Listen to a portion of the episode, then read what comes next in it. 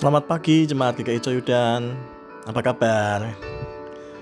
Sudah lama sekali rasanya kita tidak berjumpa Namun doa kami selalu buat Bapak Ibu sekalian dan saudara-saudara Yang supaya sehat-sehat dan tetap kuat dalam menjalani hari-hari ini Tentunya sambil mengingat bahwa segala sesuatu yang terjadi ada Tuhan yang terus bekerja untuk mendatangkan kebaikan bagi saudara dan saya. Bagi Bapak Ibu yang dalam pergumulan membutuhkan konseling atau dukungan doa, dapat menghubungi via WA atau telepon kami para pendeta dan pengerja di GKI Coyudan.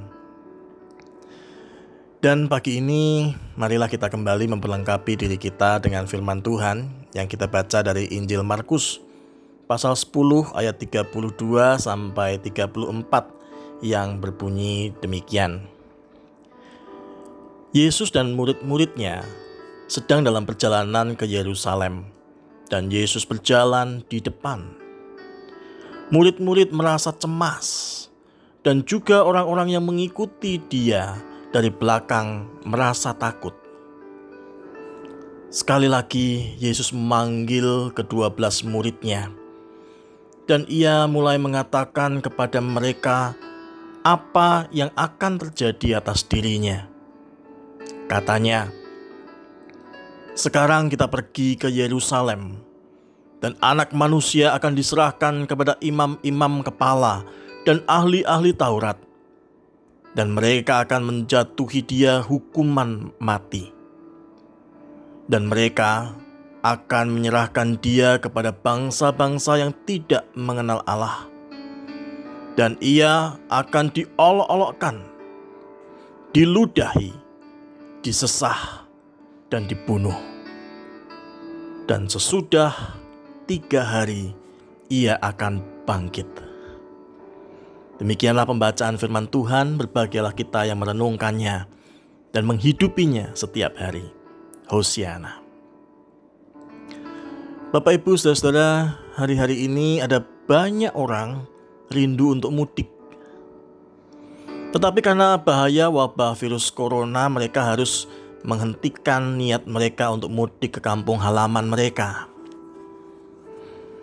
Apa sih sesungguhnya yang dirindukan dari mudik?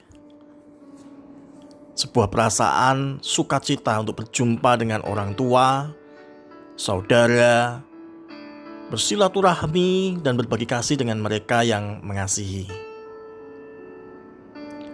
Namun berbeda dengan Tuhan Yesus dalam bacaan kita hari ini. Tuhan Yesus melakukan perjalanan ke Yerusalem bukan untuk mudik. Bukan untuk menjumpai orang-orang yang merindukan dia. Bukan juga untuk bertemu keluarga atau mengharapkan sambutan hangat dari banyak orang. Yesus berjalan ke Yerusalem dengan kesadaran penuh bahwa dia akan dijatuhi hukuman mati di sana. Itulah sebabnya para murid dan orang-orang yang mengikuti Yesus dari belakang merasa cemas dan takut. Namun tercatat dalam Injil Yohanes pasal 10 ayat 32 bahwa Tuhan Yesus berjalan di depan seolah ia menyambut penderitaannya dengan hati yang teguh. Bagi manusia, saudara dan saya tentunya Penderitaan adalah sesuatu hal yang menakutkan. Tetapi apa yang dipikirkan Tuhan Yesus bukanlah tentang dirinya.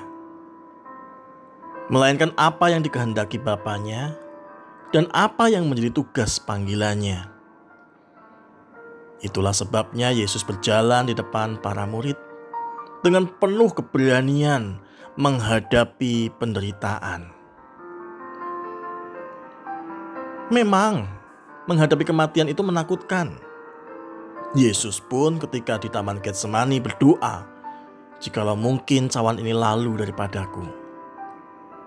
Tetapi bagi Yesus, yang lebih mengerikan adalah jikalau ia tidak menjalani salib, sehingga dunia tetap berada dalam dosa dan maut. Demikian kita belajar bahwa hidup ini bukan sekedar hidup lalu mati.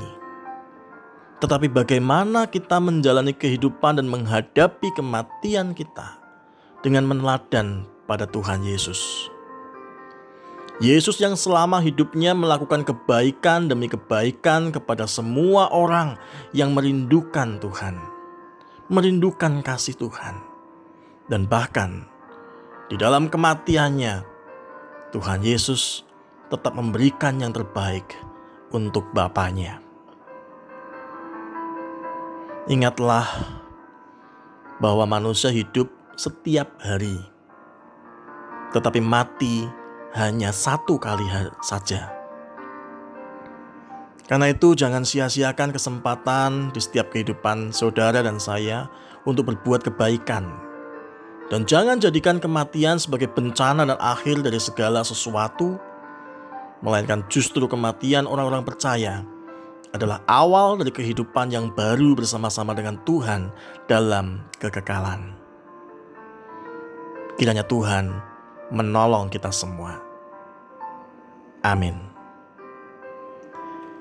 Marilah kita berdoa.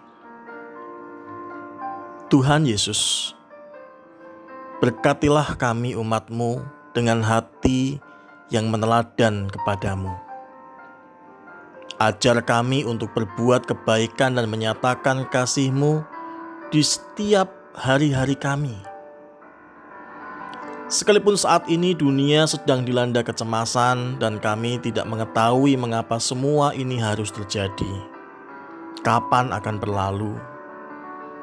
Tetapi kami tahu bahwa Tuhan berjalan di depan kami dengan langkah yang pasti. Dan oleh karena kemurahan-Mu ya Tuhan kami memohon, berkatilah mereka yang saat ini sedang bergumul dengan sakit penyakit. Mereka yang berjuang melawan kanker dalam tubuhnya, mereka yang terpapar virus corona dan menjalani isolasi, mereka yang harus berdamai dengan sakit diabetes, dan mereka yang mengalami keterbatasan fisik Ya Tuhan kuatkanlah dan pulihkanlah hati mereka. Kami berdoa, lindungilah para medis, dokter dan para perawat yang bekerja keras dalam menangani wabah virus corona sampai hari ini.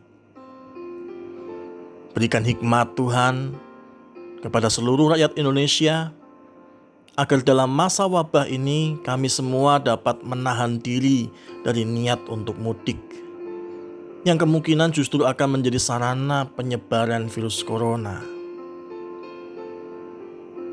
Tuhan berkati Presiden Joko Widodo yang sedang berduka, namun tetap harus memimpin negeri ini. Mampukan bersama-sama dengan para menteri dan segenap pemerintahan Indonesia untuk bekerja sama dalam menangani wabah virus corona dan dampak-dampak yang ada secara ekonomi khususnya dan sosial. Beri kami kesehatan dan curahkanlah cinta kasih-Mu ya Tuhan dalam hidup kami. Lindungilah kami dan mampukanlah kami untuk terus menjadi berkat bagi sesama kami yang membutuhkan kasih Tuhan. Terima kasih Tuhan Yesus dalam kemurahan-Mu kami berdoa dan kami menyerahkan hidup kami. Amin.